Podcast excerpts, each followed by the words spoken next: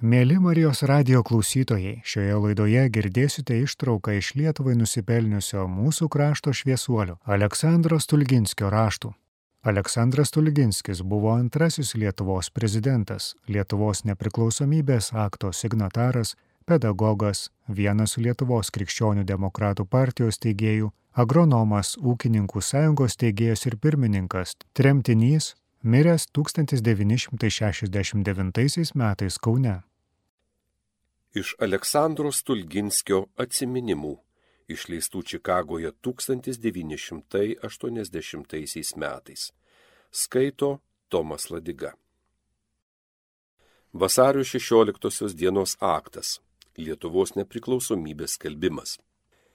Aplinkybės taip susiklosti, kad Lietuvos tarybai gruodžio 11 dienos aktų, kuris buvo sukėlęs taryboje daug ginčių, neteko neotifikuoti nei bolševikų delegacijai Lietuvos brastos konferencijoje, nei vokiečių vyriausybei.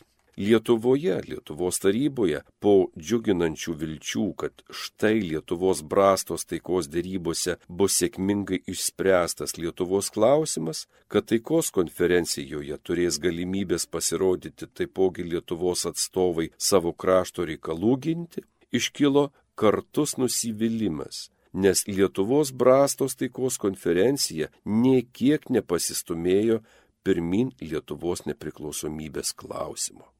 O čia be to naujas smūgis. Taip sunkiai sukurta lietuvių tautos atstovybė, Lietuvos taryba suskilo išstojus iš jos keturiems nariams. Nepaisant, kad tarybos veikla visiškai buvo paralyžiuota, neleista jai nieko dirbti. Dėl to nedaug ji ir ten nuveikė. Tačiau jau tas faktas, kad yra iš visų Lietuvos politinių grupių sudarytas organas, kuris deda pastangų, kiek galint puoselėti Lietuvos valstybės atkūrimo klausimą, kuris sunkios okupacijos metu neleido užgesti geresnių laikų viltims, turėjo nepaprastai didelės reikšmės lietuvių visuomenėje. Lietuva viliojantis kasnis Dėl to kariškoji vokiečių partija, aukštieji kariuomenės sluoksniai per visą Lietuvos okupacijos laikotarpį nesiliovė dėję pastangų žūt būt aneksuoti Lietuvą, prisijungiant ją prie Vokietijos. Jiems priklausė kariškoji Lietuvos administracija, kuri labai uoliai vykdė jų sumanimus ir planus. Tuo tarpu vokiečių vyriausybės, o ypač Reichstago, nusistatymas ne visuomet sutikdavo su karo partijos nusistatymu. Dėl to kariškoji vokiečių valdžia Lietuvoje sumaniai slėpdavo nuo lietuvių, nuo Lietuvos tarybos nuotaikas ir nusistatymus, kurie vyraudavo Reichstagų daugumoje bei vokiečių vyriausybėje, neleisdama tarybos atstovams nuvykti į Berlyną, sueiti į asmenišką ir betarpišką kontaktą su vokiečių Reichstago deputatais, ar vokiečių vyriausybės nariais, nes juo mažiau taryba bus informuota apie centrinės valdžios siekimus, juo laisviau galės kariškoji administracija prigaudinėti tarybą. Tačiau, kad ir aplinkiniais keliais visgi pavykdavo tarybai susisiekti su Reikstago dauguma ir patirti, kaip ji žiūri į Lietuvos ateitį. Paaiškėjo, kad Reikstago dauguma stovi už nepriklausomą Lietuvą Suprantama, Lietuva privalėtų sueiti į tam tikrus santykius su Vokietija. Reikshtagų daugumos nuomonė, lietuvi gali laisvai tvarkyti savo ateitį. Iki šiol taryba laukia iš vokiečių karinės valdžios pritarimo nepriklausomybei skelbti, kurio betgi nesulaukė. Dabar patyrusi Reikshtagų nuomonę, taryba ryžosi į nieką neatsižvelgdama skelbti nepriklausomą Lietuvą. Tačiau taryba, kaip žinome, jau nebebuvo pilname sąraše, nes keturi jos nariai buvo išstoję, o tai mažino jos autoritetą. Aišku, kad tokiam žygiui Lietuvos nepriklausomybės skelbimui dėrėjo, kad taryba pasisakytų pilname savo sąstate. Pradėti pasitarimai, kad gražintų tarybon išstojusius narius ir pagaliau tarybos skilimas būtų likviduotas susitarta dėl nepriklausomybės skelbimo, o taip pat ir dėl skelbimo formulės. sutartoji nepriklausomybės formulė mažai besiskyrė nuo mums jau žinomos formulės. Tarybos priimtos sausio 8 dieną 1918 metų. Tad vasario 16 dieną 1918 metais iš ryto susirinkome, kaip buvo sutarta, į lietuvių komiteto nukentėjusiems nuo karo šelbti salę didžiojoje gatvėje. Taryba tuomet dar neturėjo savo nuolatinių patalpų. Pirmieji posėdžiai vykdavo mokslo draugijoje daktaro Jono Basanavičius kabinete, vėliau advokato Jono Vileišio bute Gedimino gatvėje. Posėdžiui prasidėjus prezidiumas atsistatydino, nes to pareikalavo nariai, kurie buvo iš tarybos išstoję. Jie net statė kaip po savo grįžimo sąlygą, kad prezidiumas atsistatydintų. Tai buvo nusistatymas prieš tarybos pirmininką Antaną Smetoną, kam jis vokiečiams per daug jau nuolaidus susirinkusiųjų tarybos narių nuotaika rimta, drasi, pakili, nes visi jautė, kad daromas didelis ir atsakingas aktas. Be to visi tarybos nariai gerai nusimanė ir žinojo, kad tas aktas toli gražu nėra suderintas su kariškąja vokiečių administracija, kad ji gali griebtis toli einančių represijų tarybos narių atžvilgių. Pirmininkauti šiam posėdžiui pasiūlyta seniausiai amžiujimi tarybos narį daktarą Basanavičių. Jis užėmė pirmininko vietą ir drebančių iš susijaudinimo balsu pareiškė. Kažin, ar aš sugebėsiu tokiam svarbiam reikalui pirmininkauti.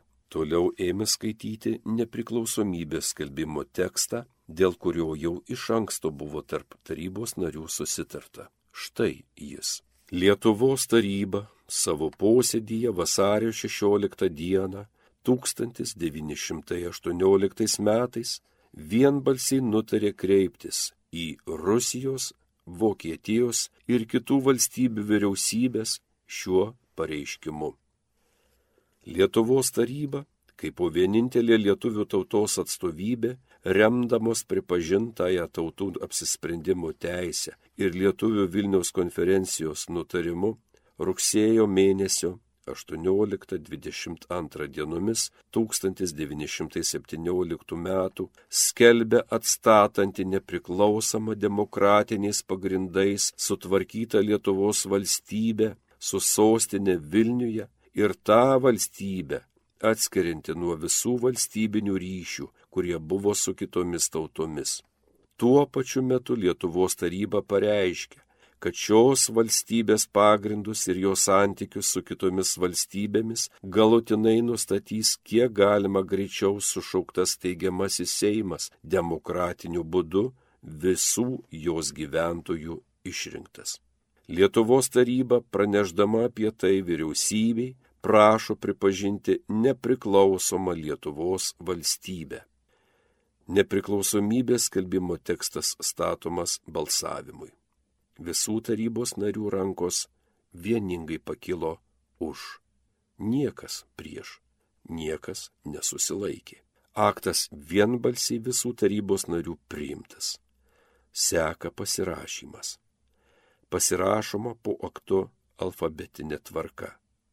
Daktaras Basanavičius, Biržiška, Banaitis, Dovidaitis, Bizauskas, Kairys, Klimas, Malinauskas, Mironas, Narutavičius, Petrulis, Šaulys, Šaulys, Šernas, Staugaitis, Smilgevičius, Smetona, Stulginskis, Vailokaitis, Vileišis. Vilnius vasario 16 dieną 1918 metais.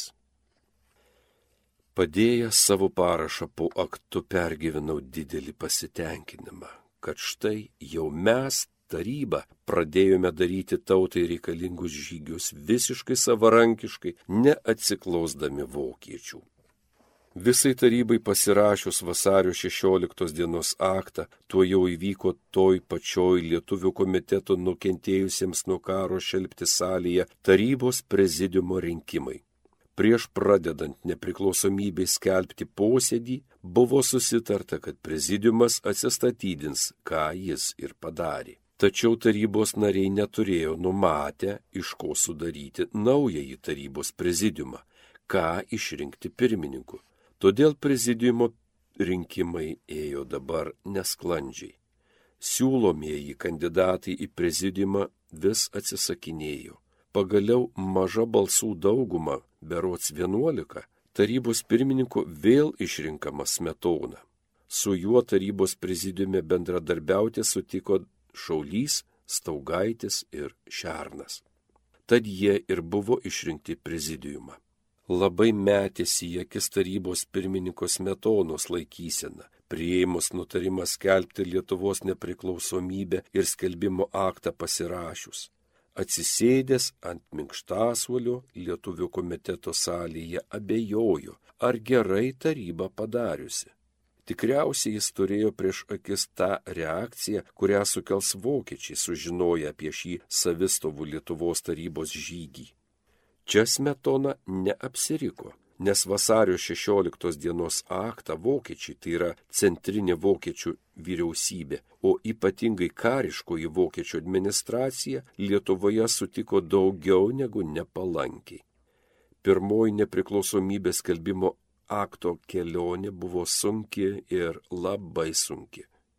Kadangi vasario 16 dienos aktas buvo skelbiamas be įsipareigojimų vokiečiams, tai vokiečiai jį laikė revoliuciniu žygiu prieš jų okupaciją. Ta aktą per visą puslapį, kaip ir pridėra tokiam aktui, paskelbė Faktinas vienintelio tuomet laikraščių Lietuvoje Lietuvos Aido redaktorius Petras Klimas su visų tarybos narių parašais.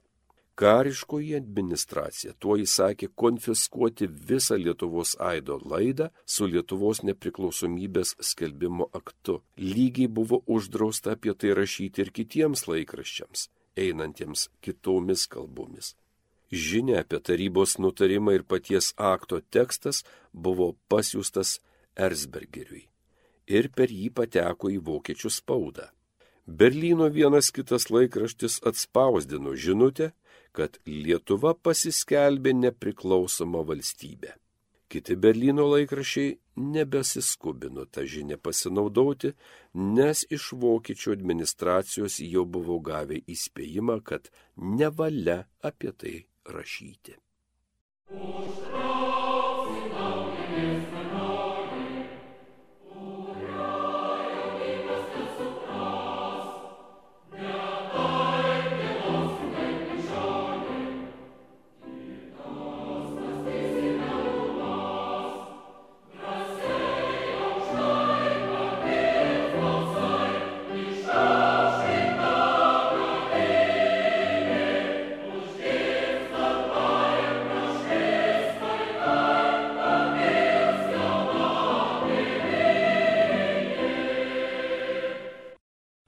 Vasario 16.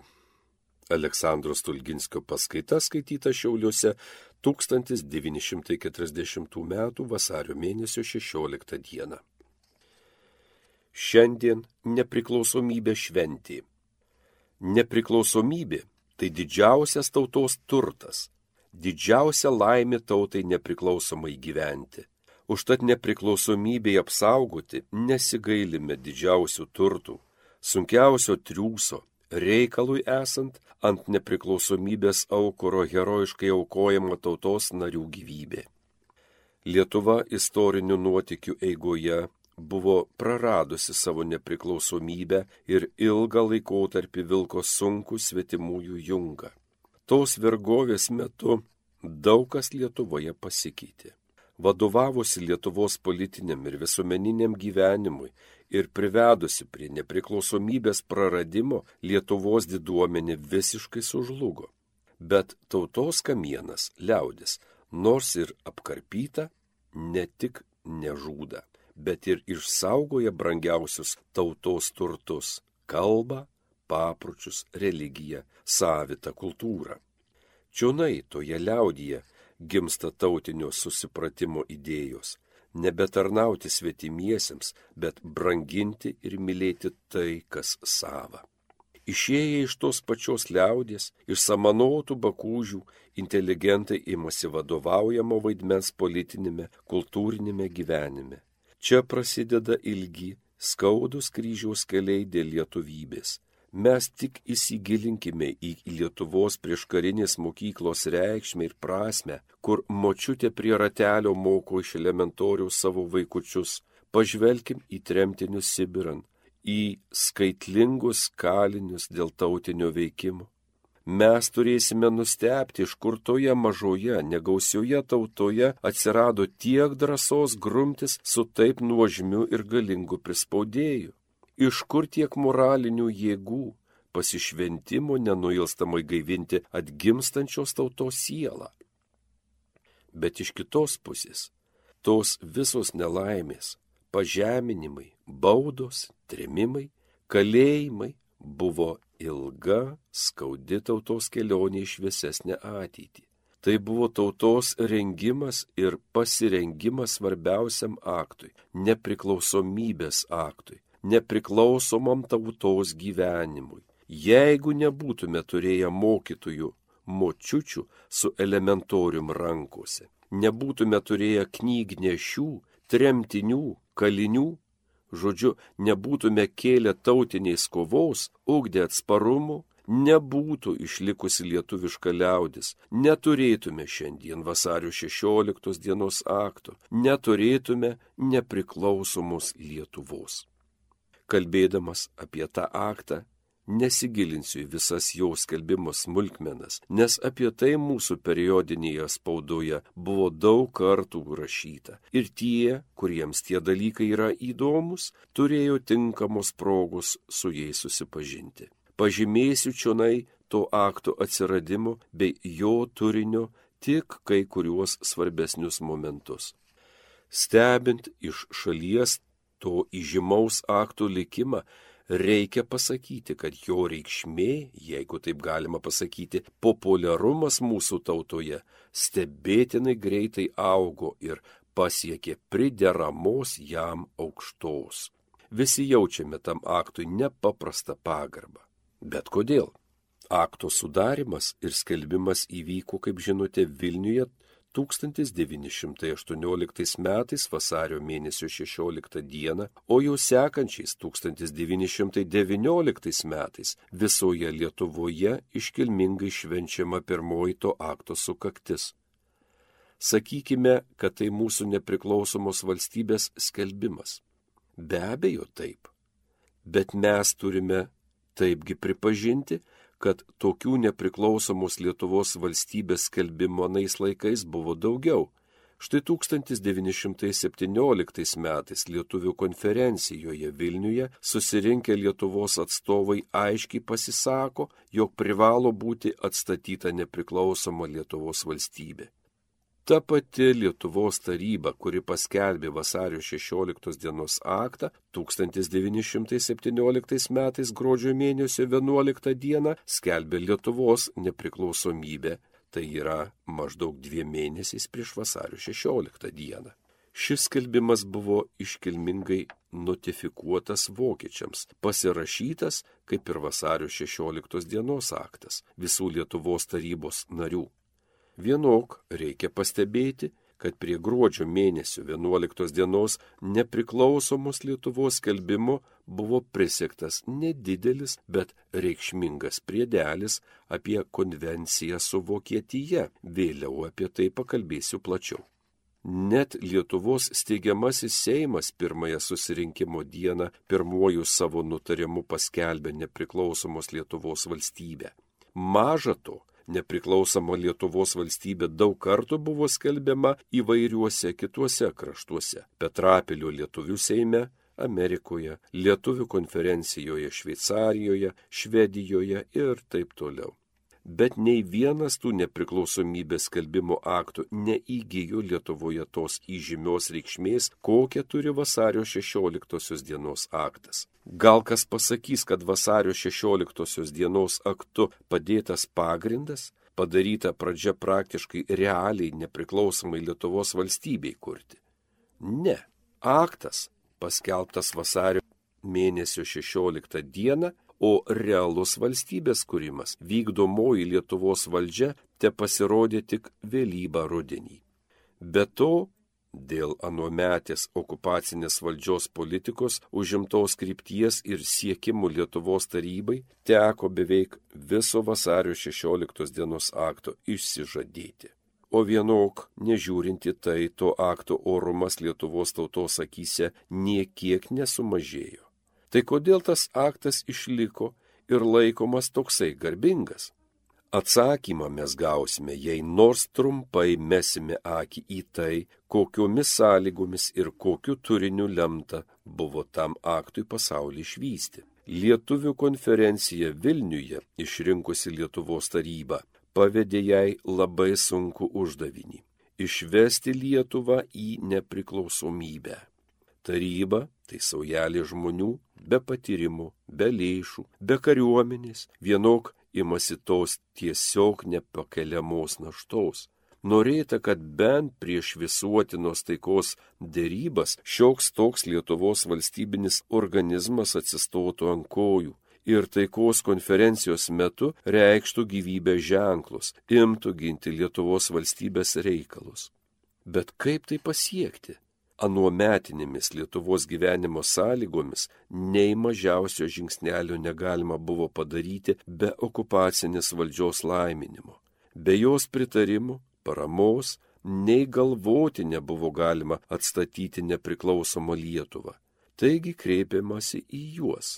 Bet, kaip sakoma, sauso nieks neklausau visokiojopa parama, pagalba pažadama su sąlyga, jei Lietuvos valstybė sudarys su Vokietija amžiną sąjungą, kuri privalės pasireikšti karo, susisiekimo, muitų ir piniginio vieneto konvencijomis.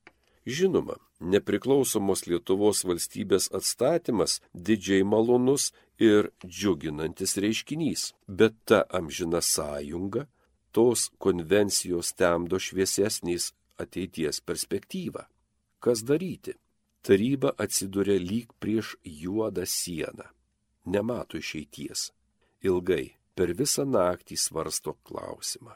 Galo prištasi priimti pateiktus vokiečių reikalavimus. Surašomas atitinkamas aktas. Pirmoje to akto dalyje skelbiama nepriklausoma Lietuvos valstybė, antrojegi sakoma, kad toji valstybė sudaro su Vokietija mums jau žinoma sąjunga su minėtomis konvencijomis.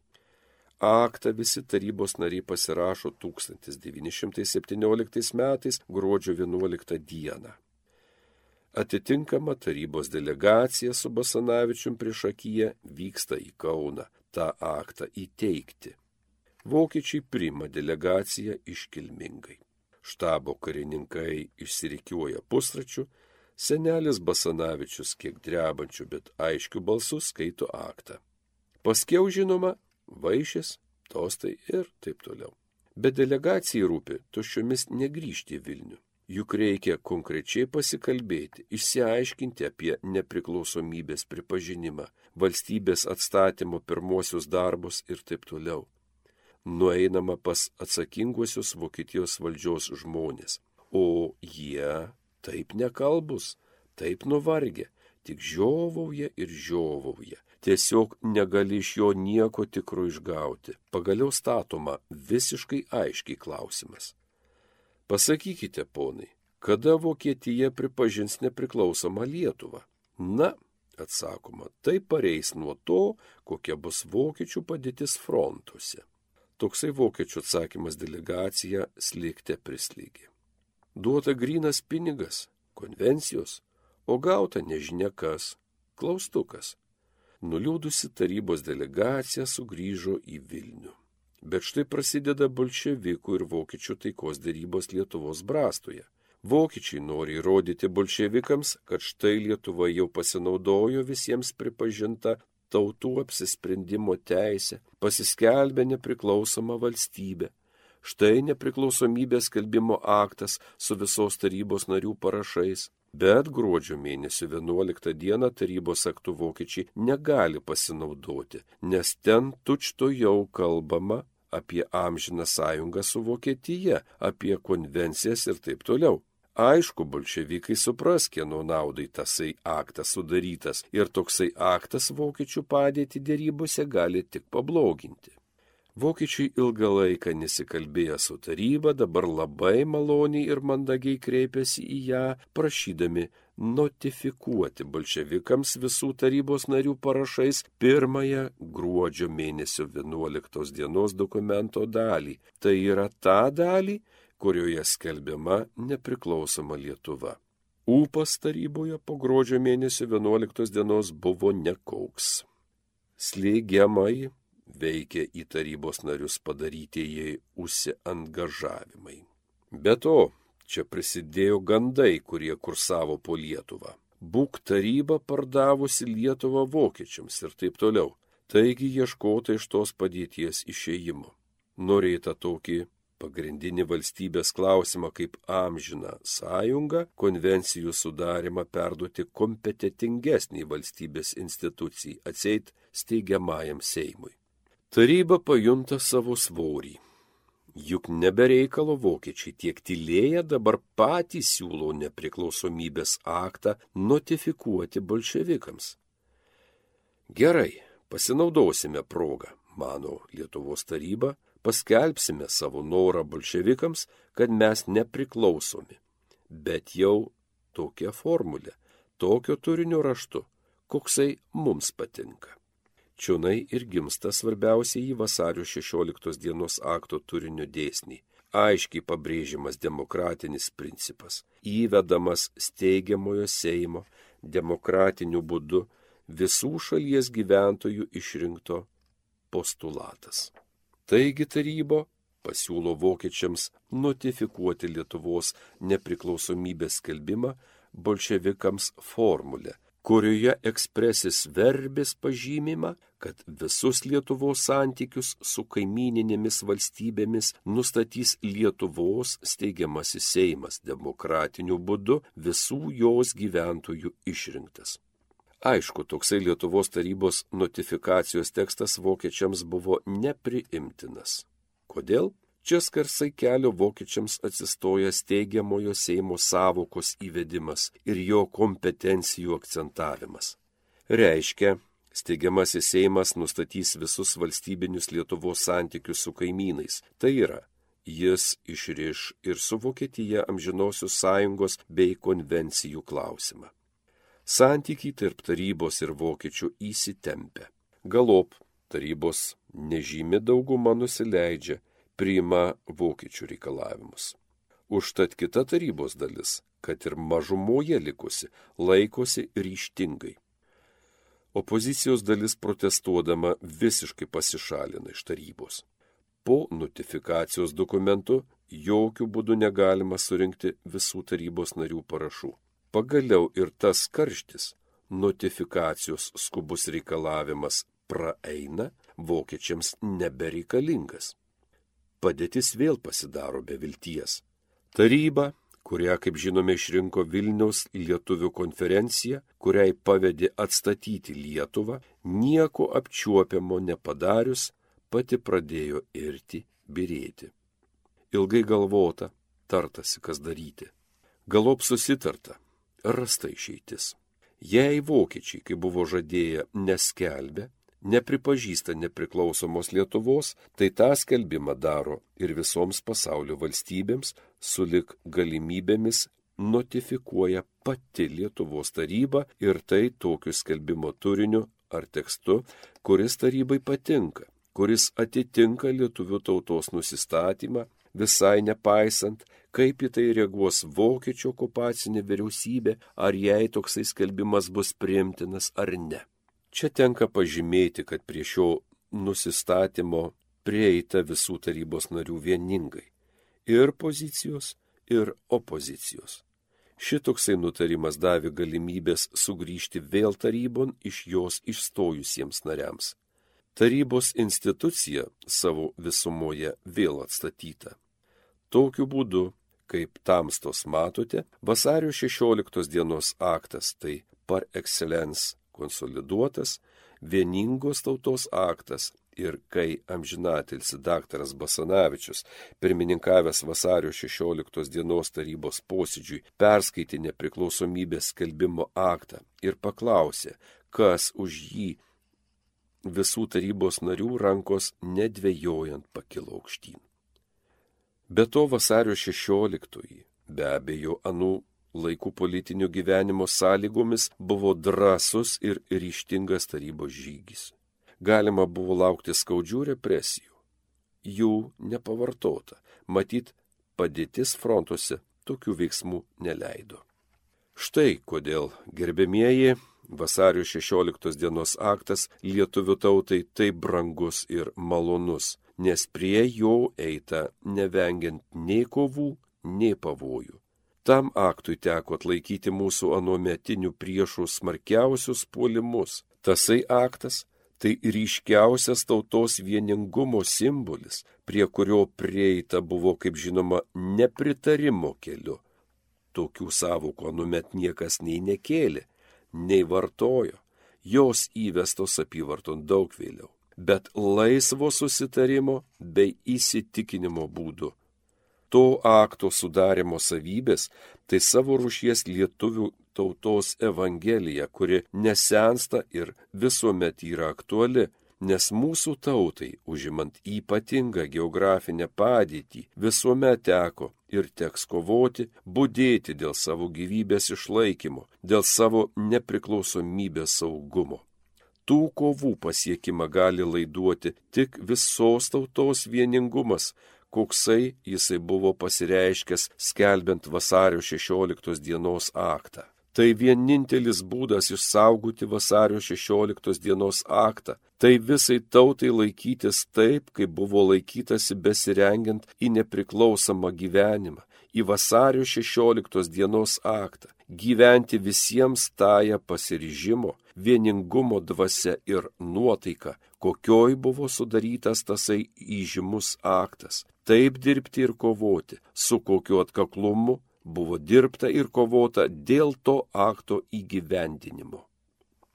Vasario 16 dienos aktas, kaip matome, yra įžymus ne vien dėl to, kad ypatingomis, tai yra kovos sąlygomis skelbta nepriklausoma Lietuva, bet ir tuo, kad jame aiškiai žodžiais nužymėta, kaip toji nepriklausoma Lietuva privalo būti tvarkoma. Tame akte glūdi svarbiausieji mūsų valstybės santvarkos dėsniai Būtent, valstybės valdyme privalo pasireikšti visos tautos valia, kas, kaip žinome, yra galima tik demokratijoje. Jei tie dėsniai fiksuoti nepriklausomybės akte, tai turbūt tautos atstovai, Lietuvos taryba, matė būtiną reikalą tai padaryti. Patyrimo dėl įvairių valstybės formų bei santvarkų jie užtektinai turėjo. Lietuvos tarybos nariams gerai buvo žinoma Lietuvos praeitis ir garbingieji didžiosios Lietuvos kunigaikščių laikai, kur Lietuvos valdovų valdymo genijus buvo pasiekęs apogėjų, kada Lietuva rytų Europoje sudarė galingiausią valstybę, bet tie laikai istorinių nuotikių bėgyje nebegražinamai praėjo, palikdami vargstančiai tautai paguodos, moralinių jaugų neišsemiamą šaltinį. Po tos žilos garbingos praeities, kaip žinoma, sekė mažiau garbingi, dargi gana liūdni laikai, kai sudarius su Lenkija uniją, valdžia pamažėl perina į diduomenės rankas. Liberom veto tarpusavės rietenos o ypatingai traukimas į tas rietinas svetimų kaimininių valstybių pajėgų galutinai sugniuždo nepriklausomą Lietuvos gyvenimą. Absoliutaus caro režimo veikimą anometinė lietuvių bendruomenė geriausia patyrusi buvo savo kailiu. Taigi nebuvo numet susipratusių lietuvių, kuris pasisakytų už absoliutinį šalies valdymą. Vadizmas pastarųjų laikų išgalvotas, anomet nebuvo žinomas. Iš esmės jis nieko nesiskiria nuo absoliutaus režimo ir jei šiandien atsiranda žmonių, kurie vienais ar kitais sumetimais adoruoja vadizmą, tai jie nežino, nėra patyrę nelemtų absoliutaus režimo pasiekmių. Visus anuometinius Lietuvos veikėjus viliotė viliojo demokratinė šalies santvarka, demokratinės valdymo formos, kokias turi pavyzdžiui Šveicarija, Anglija ir kitos vakarų valstybės. Iš tikrųjų tai tikslingiausias ir teisingiausias šalies valdymo būdas. Visi piliečiai eina pilietinės pareigas, moka mokesčius, tarnauja kariuomenėje ir taip toliau. Aišku, teisingumas reikalauja, kad jie visi turėtų balsą ir šalies valdyme. Demokratinėme šalies valdyme vyriausybė palaiko betarpį ryšius su piliečiais konstitucijos nustatyta tvarka ir formomis. Atskiras luomas ar atskira piliečių grupė ryšiams tarp vyriausybės ir visuomenės palaikyti čionai visiškai nereikalinga. Įvedimas į šalies valdymą taip vadinamų ryšininkų privilegijuotos grupės savo rušies bajorų tarp vyriausybės ir visuomenės įneša paprastai daug nesusipratimų. Nes tie ryšininkai, kaip seniau Lietuvos diduomenė, pradeda įsivaizduoti, kad jie iš tikro atstovauja tautai, kad jų nuomonė tai tautos nuomonė, jų interesai tai tautos interesai, o tuo tarpu tautos interesai gali diametrališkai skirtis nuo ryšininkų interesų. Kitaip demokratinėme režime negali būti vietos tokiems ryšininkams. Be to, maža to, demokratybės forma artina Lietuvą su tomis tautomis ir valstybėmis, iš kurių tikėtasi savo kovose dėl nepriklausomybės vienokios ar kitokios paramos. Taryba neapsiriko. Vasario 16 dienos aktas, jo turinys, kaip tik atvaizdavo visos tautos troškimus. Jis visos tautos pastangomis realizuojamas. Jis ir šiandien tebelaikomas ir bus laikomas, kol bus gyva lietuvių tauta didžiausia tautos šventenybė, testamentu, tautos vieningumo simboliu ir kas kėsintųsi prieš tą aktą, prieš jo turinį, prieš nužymėtus tame akte mūsų valstybės santvarkos dėsnius, kas ardytų tautos vienybę, siekdamas privilegijų, tas be abejo kėsintųsi prieš pačią lietuvių tautą prieš Lietuvos valstybę ir jos nepriklausomybę. Tas be abejo nebūtų vertas lietuvio vardo. Tikėkime, prašykime aukščiausiojo, kad tokių iš tikro mūsų tautoj neatsirastų. Oh.